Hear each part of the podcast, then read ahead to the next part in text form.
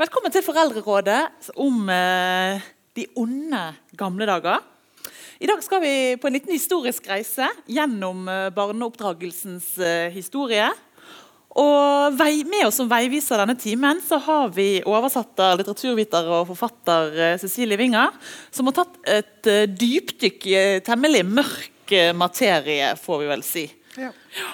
Altså, at Hvis vi tenker nå på nåtiden og den debatten som vi har rundt oss, så handler jo det mest om hvorvidt far skal få flere lovfestede uker av pappapermisjon, om eh, lengre liggetid på sykehus, og hvorvidt det er riktig å lære barn å sovne på egen hånd.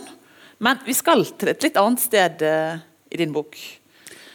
Ja, jeg går langt tilbake Til. Du går langt tilbake. Vi skal noen hundre år tilbake, til da barnedødeligheten var høy og barnearbeid eh, var vanlig. Og barna kunne selges, rett og slett, dersom eh, familien ikke hadde råd til å brødfø de. Ja, selges eller settes ut på legd eller kastes ut for en klippe. Mm. Handikappede barn ble jo veldig veldig ofte utsatt for å settes ut i skogen eller drepes. Ja, ja. Og så tenker jeg sånn, mens jeg leste, tenkte jeg ja, Vi kan jo trøste oss med at dette er lenge siden. Men altså, så sent som i 1928 så sa jo den amerikanske psykologen John B. Watson sitert i boken de må aldri aldri kysse barnet, aldri sette barnet på fanget og aldri gynge barnets uh, vugge. Ja.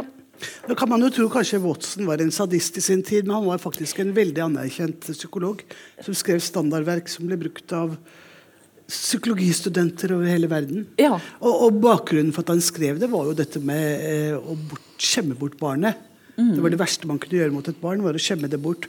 Og det kunne skje på to måter. Enten at man roste det for mye, eller at man koste for mye med det. Dillet for mye med det. Ja, og da, når du sier akkurat det, så passer det veldig godt å hoppe til eh, et sitat eh, som jeg også festet med meg fra Anne Lindmo, som eh, står helt bakerst i boken. For Der står det Vi er en syk foreldregenerasjon. Vi oppdrar små hertuger og prinser. Vi smører dem i fett og vi ruller dem i gull. De aner ikke hva livet er. De bare Hvor er druene mine? Så Noe har jo skjedd på denne tiden. da Hvis vi bruker disse liksom litt løsrevne sitatene, da så har det jo skjedd. Og det der vi skal inn nå. og, og Det er jo under 100 år du trekker frem her. ja, ja. Og vi vet jo veldig godt at uh, for under 100 år siden så ble folk, barn, eh, sendt ut på fiske og sendt opp i fjellet for å gjete osv. Men etter altså Det er jo to ting som er viktige. Det er prevensjon, og så er det jo velferdsgoder. Mm.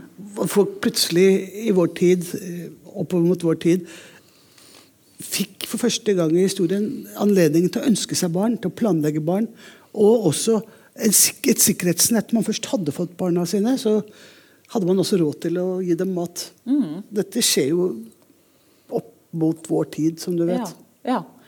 Eh, men hvis vi begynner eh, i første kapittel handler jo om Paris på 1700-tallet. Men, hvor- men du vil egentlig enda mer lenger tilbake. Hvor starta din eh, reise i denne mørke historikken? Nå har jeg hoppet litt frem og tilbake etter innfallsmetoden. Etter hvor jeg syntes var spennende. Men et av de aller første sitatene jeg fant, sjokkerte meg grundig. Det er fra den norske Gulatingsloven, som er- ble skrevet på 900-tallet. Og Der står det bl.a. at hvis man får et barn som man ikke har evne til å ta seg av, så skal man begrave dem. Og man, det drøyeste er alt at man skal begrave dem levende på kirkegården. Så man egentlig, altså man kan ikke ta seg av dem, men man begraver dem på kirkegården, og da har de en sjanse til å komme til himmelen, tror jeg tanken var. Skjønt hva, hva folk tenkte, er litt vanskelig å si. Ja. ja. Men, Men eh, når du sier Paris på 1700-tallet, så bortsett fra kanskje gamle eh, jakt- og jegersamfunn, så var dødeligheten aller høyest der. ja. ja. Hele 1700-tallet, før man lærte om hygiene, før man skjønte at det var viktig å, å, å amme barn, så døde ca. 30% av spedbarna. Og ca. 50% ble voksne. ja. Og det er vanvittig høye dødstall. Men hva, hva slags syn hadde man på barn på den tiden?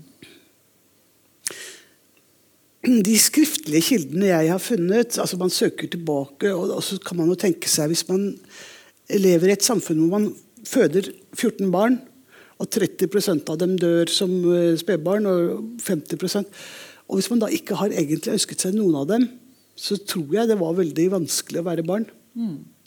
Barn ble ikke tillagt helt opp til Watson, som du nevner, på 20-30-tallet. De ble ikke tillagt noe indre liv, de ble ikke tillatt noe sjel, spedbarn. Eh, og deres behov var i hvert fall ikke noe viktig å se. Barns behov var langt nede på listen over hva man skulle prioritere.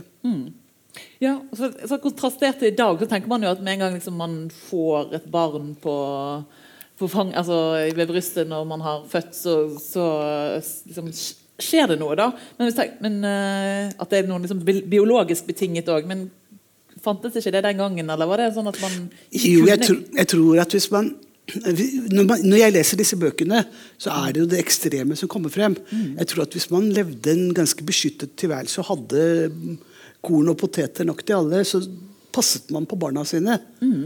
Selvfølgelig. Men, men eh, i det store og det hele var ikke barns behov viktig, som sagt. Ja. Og så skriver du at Historiens absolutte lavmål for morskjærlighet den finner vi da i Paris eh, på 1780-tallet. Og Da sendte man barn, barna til am, ammer, da. men det var heller ikke veien til omsorg. Fortell litt om denne ammefunksjonen eh, som man hadde da. Det var politimesteren i Paris som var veldig oppgitt over dette.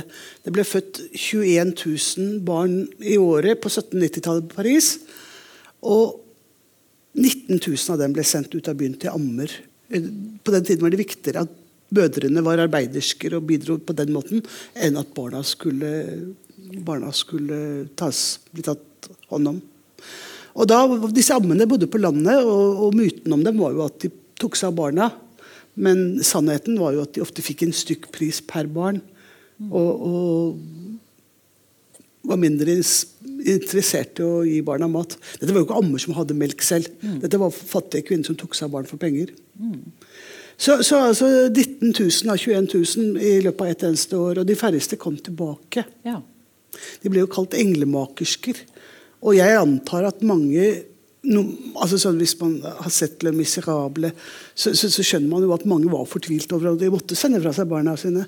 Men jeg tror også mange heller valgte å sende dem til ammer enn, til å, enn å ta livet av dem selv. Enten man gjorde det raskt eller, eller med tid. For folk var veldig fattige. Altså, Det ligger jo en fortvilelse i dette også. At man ikke kan ta seg av sitt eget avkom. Ja. ja. Har, altså, du, I denne boken så har du masse spennende eksempler uh, fra forskjellige land. Sånn. Hvordan, hvis, nå så vi, snakket vi litt om Paris. Hvordan, hvordan var det i Norge på den tiden da? Altså, Norge var jo et bondesamfunn, mens Paris var jo veldig urbant, selvfølgelig. Så hvis man, så jeg, altså, Spedbarnsdødeligheten var langt lavere i Norge enn mange andre steder. Men hvis man ser f.eks. Eh, dette er 100 år etter, i 1890, i bydelen Kampen i Oslo, som er en arbeiderbydel, der døde 429 av 1000 barn. Så det var 50% Men hvis du levde på landet et sted, så var sjansene mye større for å overleve. Men folk døde jo av eh, forkjølelse. Mm. Tarmsykdommer. Eh, av dårlig hygiene, mangel på mat, underernæring. Så det var ikke alt som handlet om at man ikke så på barn som mennesker? da? Det var noe som var liksom ja. Nei. Men, men eh, i boken nå så har du også historie på at barn ble rett og slett eh, ligget i hjel. Hva Ja, Det er et begrep man bruker, at barn ble ligget i hjel. Jeg vil jo tro at noe av det er det vi kaller krybbedød i dag. Men veldig mange barn døde om natten. og enten det var en mistanke om at man la seg på dem. for at altså Særlig i Aalborg for eksempel, jeg funnet noen tall hvor det blir sagt at mødrene ligger dem i hjel. Men altså hva som stemmer og hva som ikke stemmer der, det kan vi ikke egentlig se. Men i Aalborg var det veldig høye tall for disse tingene. Ja. Dette er jo ganske mørk materie. Hvordan har det vært å liksom grave seg ned i denne litt eh, ja, Ja, Det ble mye mørkere enn jeg trodde. Ja. Jeg liksom tenkte at det skulle handle om uh, hvor ofte man skal amme, og sånn, men det ble mye mørkere veldig fort. Mm. nesten så jeg var redd for at Politiets sikkerhetstjeneste skulle, stå i døra, etter hva jeg googlet. Det kan du ha googlet da. Har? Antall døde spedbarn i italienske latriner, f.eks., osv. Hva, hva Det ble påstått at når man nærmet seg en storby på 1700-tallet, så hørte man spedbarnsskrik fra alle, alle elver. Men hva, hva, altså her er det jo masse mobile eksempler på, på hvordan barn har blitt behandlet. Men hva, hva overrasket deg mest mens du uh, dypdykket ned i dette? Hva som overrasket mest? Synet på mennesket. Jeg begynte vel egentlig på det fordi jeg er veldig opptatt av synet på mennesket og humanisme. Altså da, jeg er født i 64. Da jeg gikk på barneskolen, måtte jeg neie for overlæreren i trappen. Så barn naturlig befant seg nederst på rangstigen, mens i dag blir de løftet frem. Men at, at dette med for dette med at barnet er født ondt, mm. at barnet er født med arvesynden, ja. at man i veldig mange samfunn ble lært opp til at de skulle bankes. Før de var to år, så skulle de helst bruke hender på dem, men så skulle man bruke forskjellige torturmetoder. At de skulle bankes hver dag. Gjerne sånn metodisk hver eneste morgen, sånn at de skjønte sin egen plass. Og dette varer langt opp i vår tid. altså. Mm. Mm. Barn, altså De kalte det å slå gamle Adam ut av barnet. Hvor lenge, hvor lenge, for oss som ikke helt stø historikken her, hvor lenge eksisterer denne forestillingen om arvesynd og at barna er, kommer til verden med en ondskap? Det varierer opp og ned gjennom tidene, men, men det, altså det først i 1972 så ble såkalt oppdragervold eh, forbudt i Norge. Mm. Eh, og så ble det utvidet til å gjelde også psykisk vold så sent som i 87. Mm.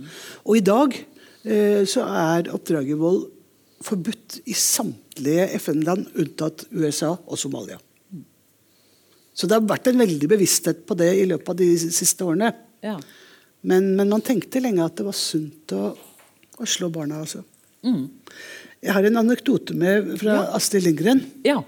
Hvor hun skriver Eller jeg så et, hun sa i et intervju en gang at da sønnen hennes var liten, så hadde han gjort noe veldig rampete. Og åpenbart han skulle få straff for det. Så hun hadde bedt ham gå ut og finne en pinne som hun kunne slå med, eller en stokk som hun kunne slå med. Og Så var han borte lenge, og så kom han tilbake og gråt og sa han ikke hadde funnet noe egnet materiale. Men han kom med en stor stein som hun kunne få lov å kaste på ham. Og Der sa Astrid Lindgren at det var siste gang hun, hun slo sønnen sin. Mm. Altså, hun gjorde selvfølgelig ikke det da heller, men ja. da var det slutt ja. med vold. Men uh, altså, I begynnelsen av boken så skriver du at vi, liksom, vi kan uh, lære, lære, noe av historien av å se på, måte, på, denne utviklingen. Hva tenker du, du eh, det å hente av å, ja, å forstå uh, Ja, jeg synes jo at Hvis man engster seg om barna bruker for mye smokk, sånn, så tror jeg kanskje at man kan roe ned og tenke at, at det beste var dårligere før i tiden. Ja, det er en sånn, en sånn trøst til uh, småbarnsforeldre? At vi faktisk ja. har kommet veldig langt. Kanskje vi har gått for langt den andre veien. Det kan vi alltids diskutere. Mm. Mm.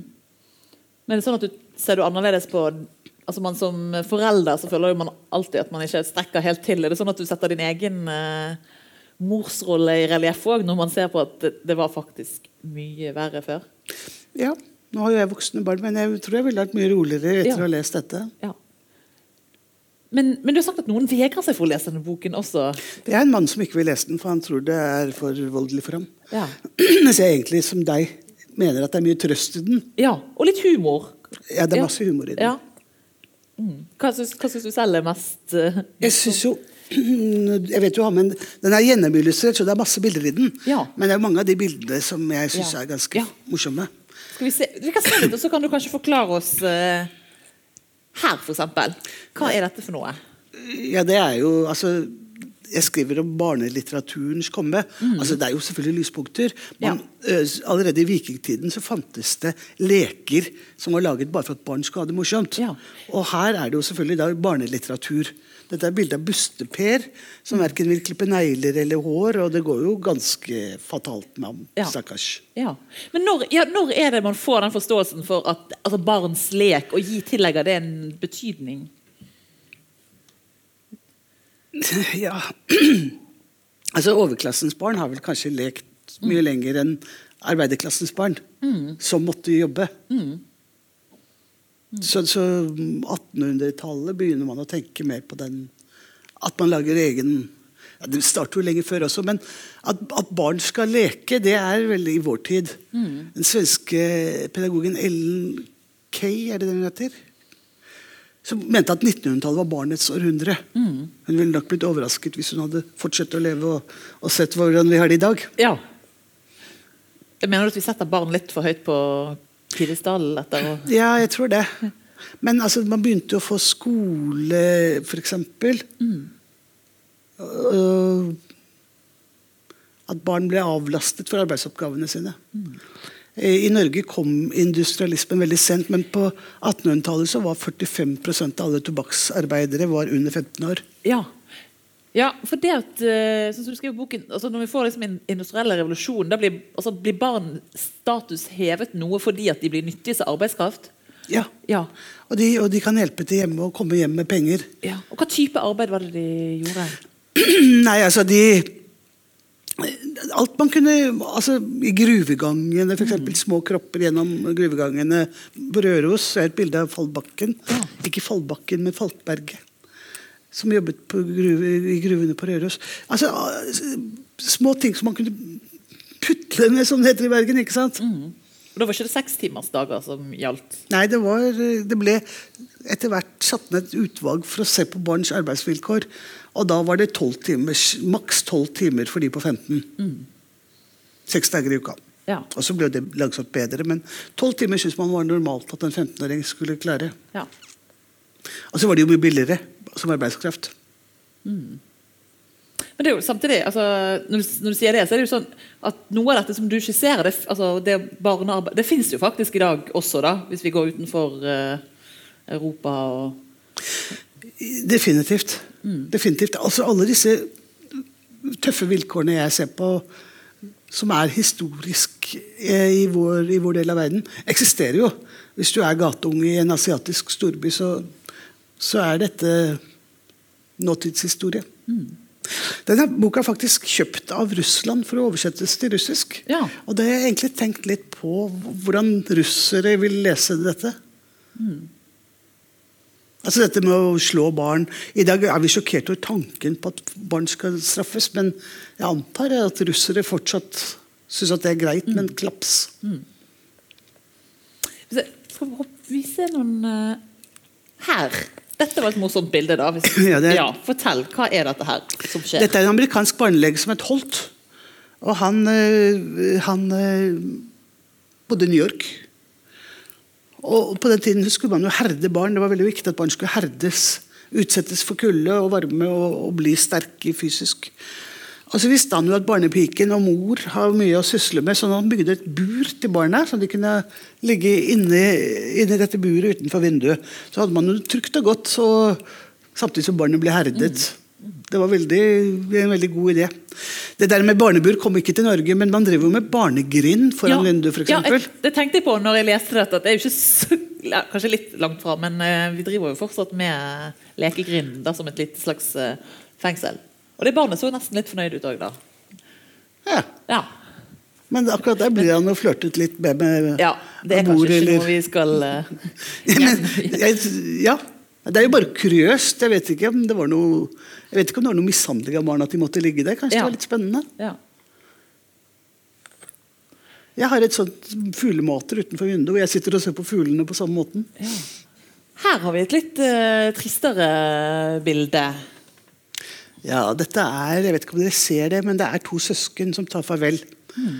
med et barn, med sin lille, lille søsken.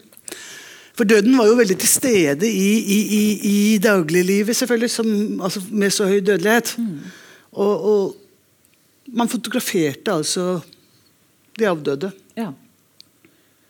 Var det noen Når får man liksom rit, sånn ritualer for å begrave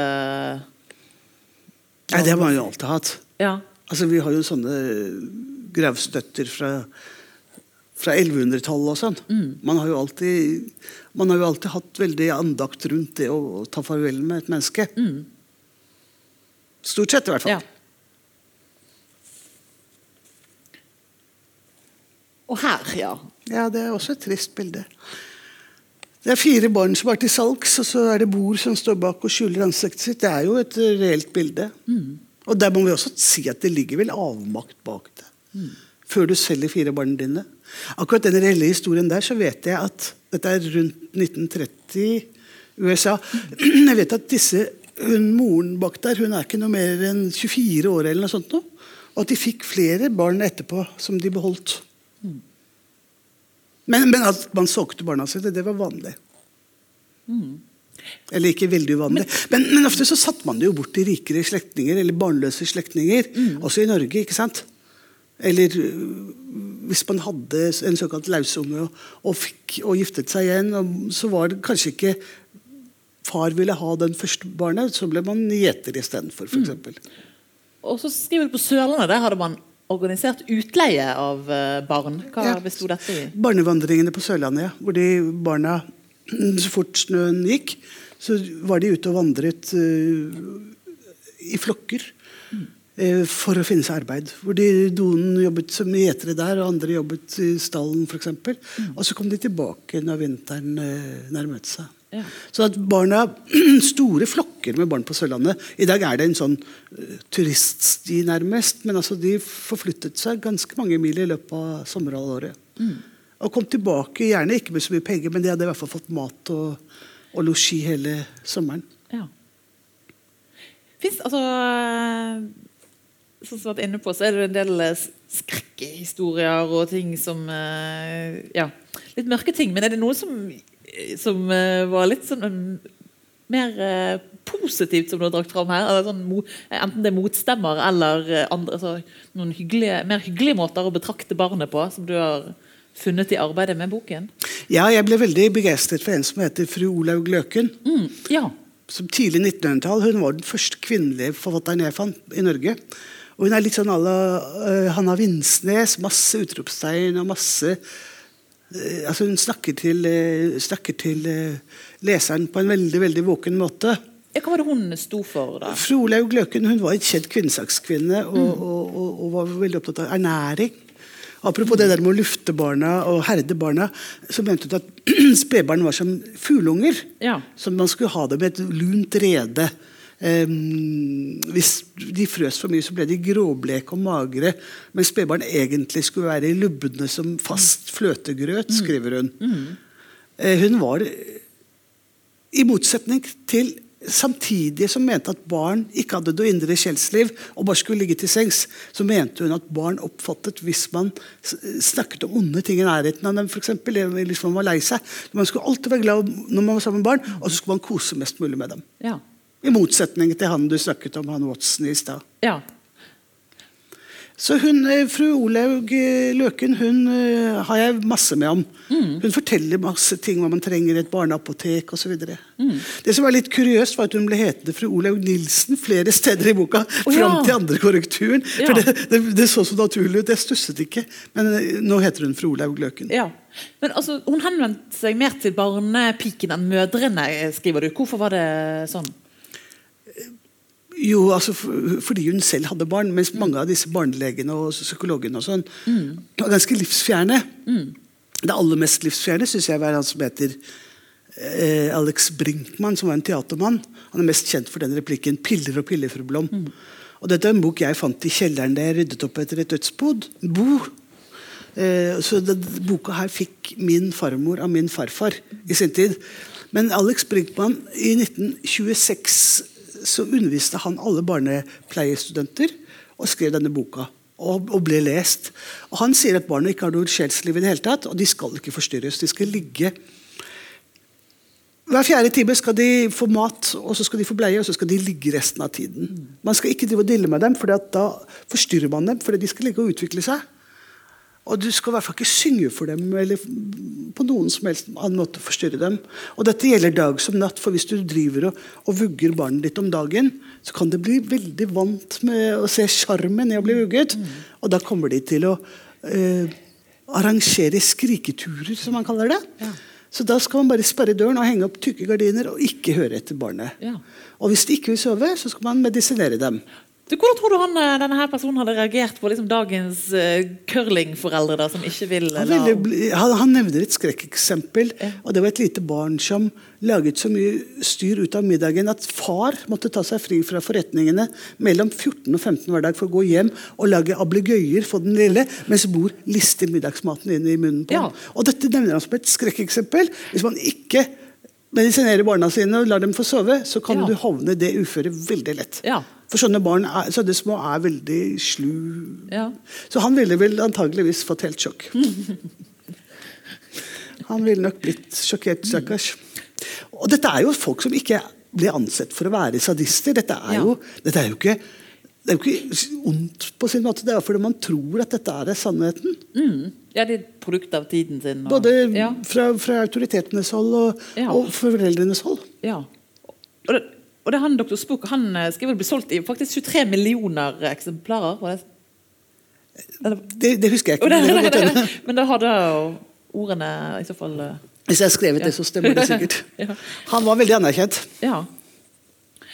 Um, Men altså, man skulle, det der med kosing med barn, det er helt sjokkerende, egentlig. Han Watson som du snakket om i stad. Ja. Du skal aldri vugge barnet, aldri kose med det og sånn.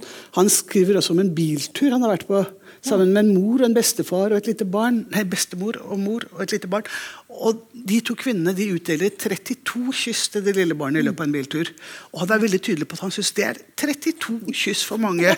Han er helt sjokkert. Han mener at det holder at man trykker småen i hånden en gang om dagen. Det lærer man høflighet, og da har man liksom vist respekt for barnet. Ikke drive og For dette er en sak om respekt også. Man ville jo ikke rett å kysse et voksne folk 32 ganger på en biltur, mener han da. Hans egede, som ble kalt Grønlands apostel, han skrev hjem fra Grønland at de såkalte eskimoene behandlet barna sine som om de skulle vært hunder. Og det er innforstått i samtiden at de dillet og koste med barna, sånn som vi Sånn, ja. den tiden gjorde med hundene våre. ja. Mm. Men um, hvor, altså, det handler jo om hvordan voksne står på barn, men eh, altså, igjen, hvordan, hvordan har barn sett på foreldre? da? Det har jeg lurt veldig på. Nå har jeg en del eksempler på folk som sier at jeg ble selv banket opp som barn, og det ble folk av meg, så det må man fortsette å gjøre. Mm. men jeg vil tro at det var mye Altså For det første dette med ammer og guvernanter og, og settes ut på legd og sånn. Jeg vil tro det var mye dårlige familieforhold, egentlig. Hvis du har blitt banket systematisk fra du var liten, så Det var ikke noe kjære mor, tror jeg. Altså, du, eh, du skriver at Den første barnehagen åpna faktisk i 1782 i Tyskland. Det var liksom overraskende at det skjedde så tidlig. Hva, hva slags institusjon var det? Eh, jo, etter hvert så var det jo sånn at når mødrene arbeidet, så det ble laget e- egne regler for hva man ikke skulle gjøre hvis man var alenemor. Altså Man skulle ikke fyre opp i ovnen, for, eksempel, for det kunne bli brann. Det var bedre at barna frøs og ta på dem klær. Eh, eh, Kniver skulle ikke ligge fremme osv.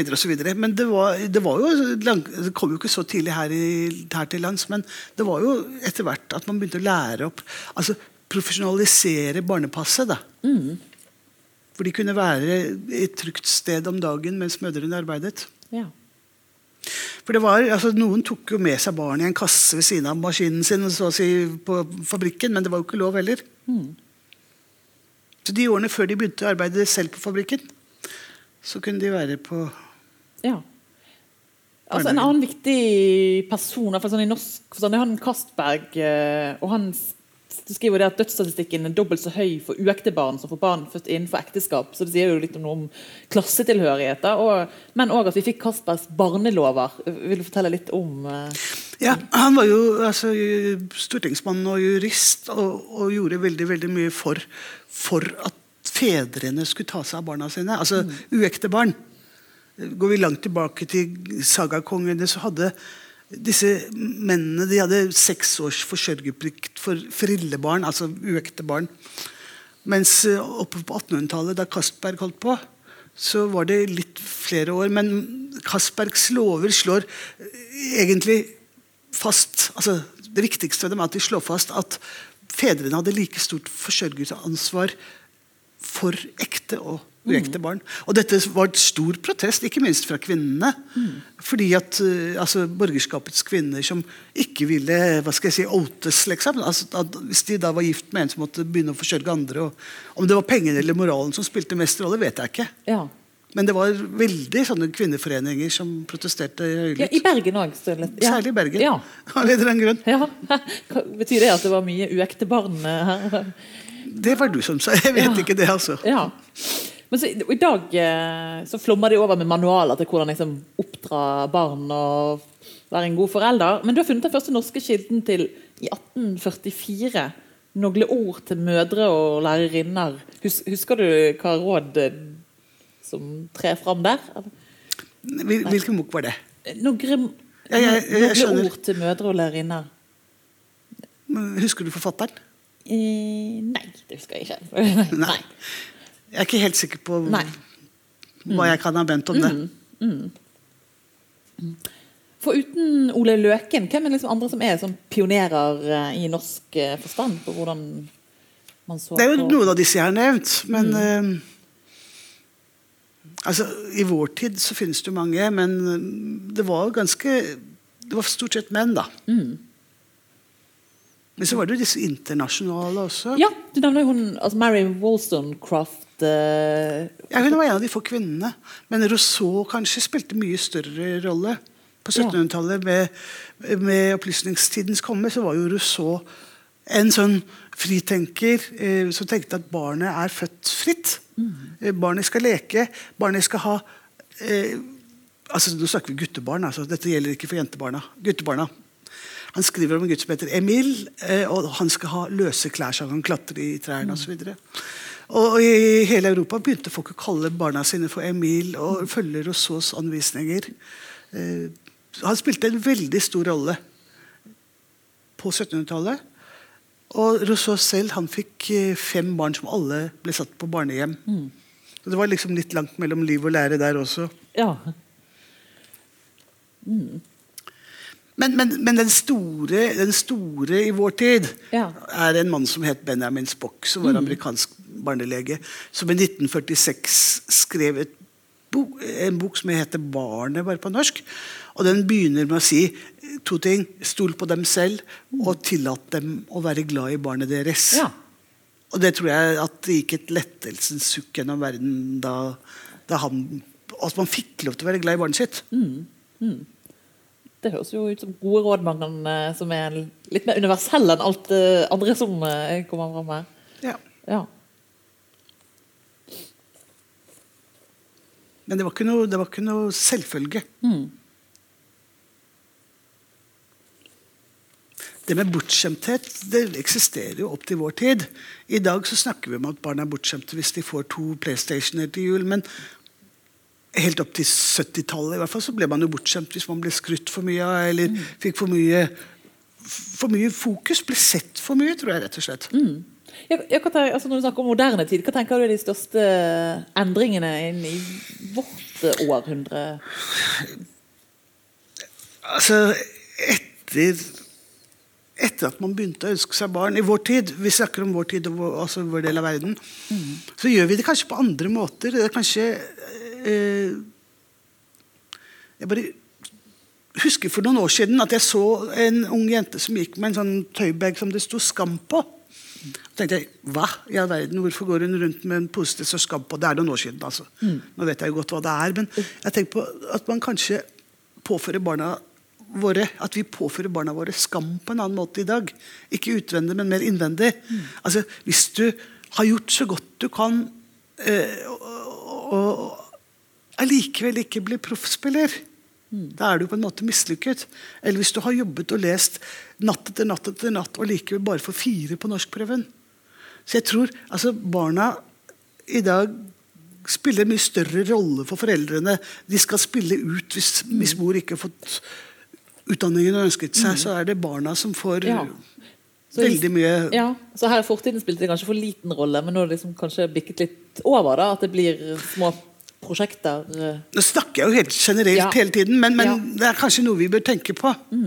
At vi verner barna våre sånn at den dagen de kommer ut i verden og opplever noe alvorlig, at de er litt uforberedt på det, rett og slett. Altså Når alle barn er genier, så er det et tøft møte med verden når du skjønner at ikke du er den beste i klassen likevel. Ja. Eller at ikke du er Michelangelo, selv om alle har sagt tegningen din er helt vidunderlig. Mm. Ja, der var det. Få se noe på det. Hva er det du har her? Ja, Den er jo det noe av det mest makabre som er i boka. Jeg innbiller meg at de der hang Jeg har mange sånne plansjer i boka. At de hang på datidens eh, helsestasjoner. så å si. Det er en plansje over hva man ikke skal gjøre med barn. På den første tegningen så er det en katt som har lagt seg opp i barnesengen over ansiktet. På den andre så ryker det, ryker det friskt fra en eh, brann. Jeg vet ikke hva de har gjort for noe der. Kanskje de kastet en røyk oppi sengen.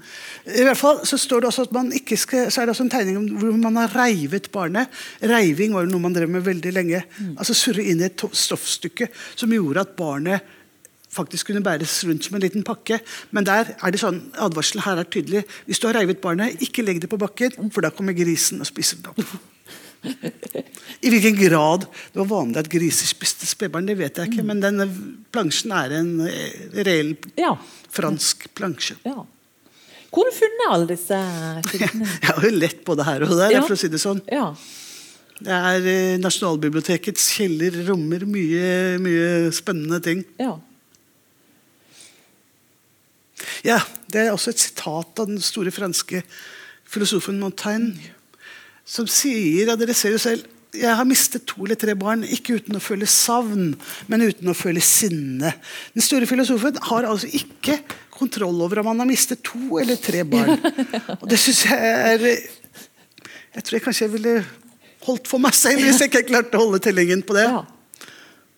Ja. Jo, men det, det er jo meget Men, men det sier allikevel en del om den tiden. Hvis du virkelig har mistet 13 barn, så var det, var det 13 eller 12, liksom.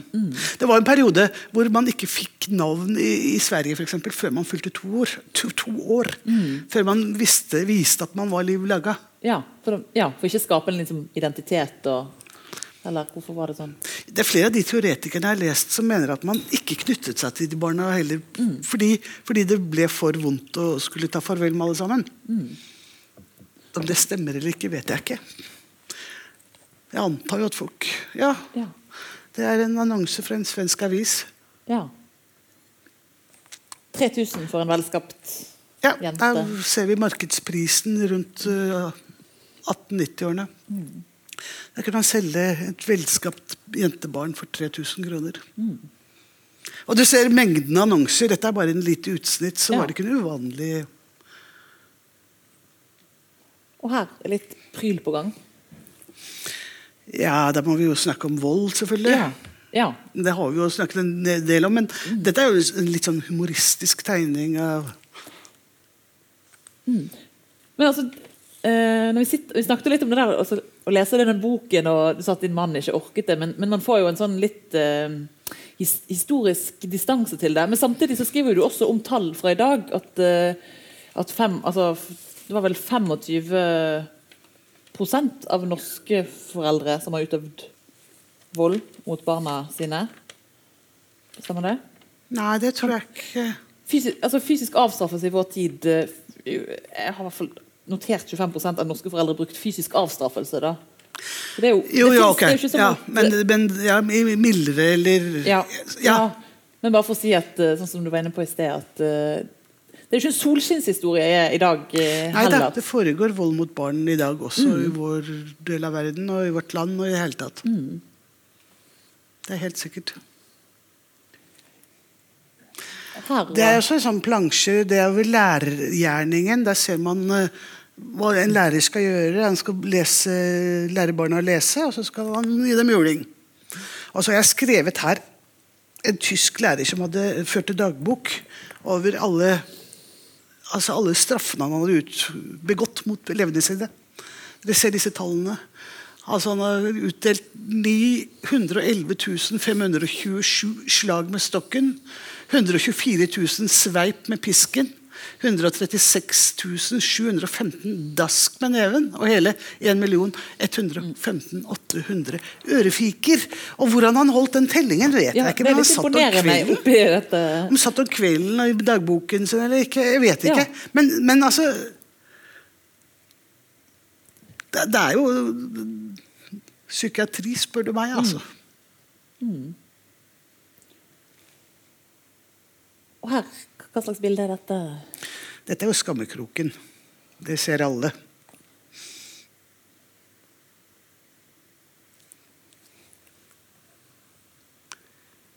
Og her, apropos barnearbeid, da. Ja, her er det bildet jeg snakket om i stad, av, eh, av Falkberget. Han, han er nummer tre med den topplua med sånn dusk på. Det ser ut som en, eh, et klassebilde, men det er altså gruvearbeiderne på Røros. Ja. Det er også et veldig morsomt bilde. Det er en kjent amerikansk forfatter som barn. Det er Ernest Hemingway som barn. Jeg har en teori om at han kanskje ble så macho fordi han Ble- kledd opp slik da han var liten. Jeg vet ikke. Det er min teori. Ja. Men altså, når du har dypdykket sånn i liksom, mentaliteten og hva man tenkte om barneoppdragelse, hvor, og du, s- man ser liksom, dagens generasjon, hvor, hvor vil du spå litt om hvor, hvor tror du vi går fremover? da? Hva slags rett altså, Det vet jeg ikke. Det går jo i bølger, disse tingene. Ja. Håper ikke vi går tilbake til alt som uh. Jeg har vanskelig for å tro at man kommer til å gå tilbake ak altså sånn rent, altså Menneskesynet det tror jeg ikke man kommer til å gå tilbake til. At man tenker at barn er annenrangsborgere som trenger å bli straffet. Men, men hvilken plass barna kommer til å ha, tror jeg kommer til å endre seg etter hvert. også. For det er jo en tøff ting å skulle være selve meningen med sine egne foreldres liv. Som mange barn i dag er. Det er også Bergen. Ja. Det er også Bergen. Det er familien eh, Hva het han igjen? Mor, eller mor En av de store bergensskuespillerne, Ibsens yndling. Han Skuespilleren het Prom eller noe sånt noe. Ja. ja. Ja, for er det bilde av hans familie? Eh, barna var ba eh, moderløse, så de har ansatt en amme fra Sunnfjord. Det sto at det var veldig en karakteristisk Sunnfjord, sunnfjordskyse. Mm. at ammene i Bergen, eh, blant Bergens borgerskap ofte kom fra Sunnfjord. Så disse barna eh, Det står også at disse barna eh, noen år etter dette ble annonsert i Bergens eh, annonseblad, eller hva det het for noe. Det het ikke det, det het noe lignende, men altså en tidlig forløper av Bergens Tidende. Eh, for at, at de skulle adopteres bort. ja. ja. Uten at jeg kjenner historien der. Det er, det er jo sånn at Man begynner å lete disse tingene, så kommer det noen opplysninger. Altså, hvorfor, hvorfor skulle denne skuespilleren, fetert Bergen-skuespiller, adoptere bort barna noen år etterpå? Men hun var en såkalt tørramme. I motsetning til våtamme, for våtammen ammet jo. Ja, Altså ja. morsmelk. Men så ble de ofte værende i familien. Dette var jo altså da en veldig kondisjonert familie som kunne ha ammen boende hjemme. Ja, det var det rådet vi fikk eh, innledningsvis.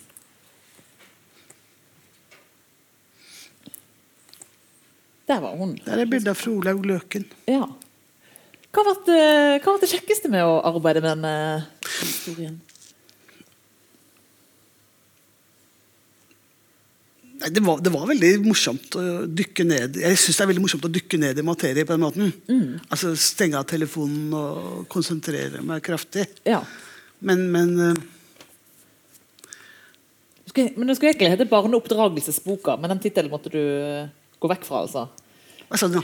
At boken skulle egentlig hete 'Barneoppdragelsesboken'. Ja, så det var jo det som var arbeidstittelen, barneoppdragelsesboka. Men så ble den veldig fort endret i mitt hode da, til barnemishandlingsboka. Ja. Så, så det jeg sitter igjen med, er jo en sånn takknemlighet for å leve i vår tid, i vår del av verden. Rett og slett. ja, det skjønner jeg veldig godt. Det får jeg òg av, av å lese eh, boken. Hva spørsmål har dere etter å ha hørt uh, her? tenker det med altså barn ikke har sjelsliv, eller har ikke hadde ble ansett som eller I de tider voksne var jo, altså voksnes følelser og emosjoner var jo ikke vektlagt heller. Det Jeg, jeg hører ikke helt, du må nesten snakke litt høyere. Kanskje ta mikrofonen? Det har vært lurt med mikrofon. Men hvis jeg oppfatter riktig det med følelser, så hadde jeg jeg snakket i forrige uke, så kom det en mann bort og fortalte at han under krigen ble operert i halsen uten bedøvelse, for barn kunne ikke føle smerte, f.eks. Men nå- ja, du tenker på at vo, altså voksne, altså hele mentaliteten At voksne heller ikke hadde altså, man i hvert fall- i hvert fall ikke kvinner. Ja. Altså Kvinners følelsesliv var ikke nødvendigvis noe positivt. Ja. Jeg spør også eh, verken, altså Det var verken barn eller foreldre eller mødre da som ble regnet å ha følelser på den tiden. Det, De kunne gjerne ha følelser, men da f.eks. i at sånn, kvinner er hysteriske. Det, altså, det følelseslivet var ikke sett på som noe verdifullt nødvendigvis. For voksne, eller kvinner spesielt. da. Ja, nei, det var jo ikke noe man la noe vekt på. Det var jo ikke noe man skulle bruke tid på i det hele tatt. Føleri. Og det var jo en tid hvor menneskeliv ikke hadde noe verdi heller, egentlig. Altså, I hvert fall mye lavere verdi enn i dag. Mens barn selvfølgelig hadde enda var nederst der igjen. Så det har jo vært eh, det kanskje vanskeligste med å studere disse tingene. fordi at altså Historikeren har jo ikke vært opptatt av barn eller såkalt myke verdier før på seks- slutten av 60-tallet, begynnelsen av 70-tallet, så begynte en del av disse store kanonene å undersøke disse tingene. Og så har de gjensidig kritisert hverandre mye for å bruke lite forskningsmateriale osv. Men det er jo klart at kongene Vi har kongesagaen, men vi vet jo ikke hvordan det var å være barn tilbake i tid heller. Vi kan følge et par generasjoner, men så er det jo slutt. Så det er klart at Når jeg sitter her og sier at det var alt var mye verre i gamle dager, så kan jeg jo ikke si at det ikke fantes hederlige unntak. Men jeg tenker på, Erna Solberg hadde jo nyttårstalen sin i år at hun sa at, at vi tenker jo ofte at alt var bedre i gamle dager, men sånn var det ikke, sa hun. Og hun nevner at, det var sju, at man mistet sju ganger så mange barn i sykdom og ulykker på 50-tallet. Så da had- tror jeg kanskje rådgiveren hennes hadde lest boka mi. kanskje. Ja, så det. Ja, Det kan jeg få innbille meg. Ja, det kan innbille Da sier jeg tusen takk til eh, Cecilie Winger for en spennende historietime, og takk til eh, publikum også. Ja.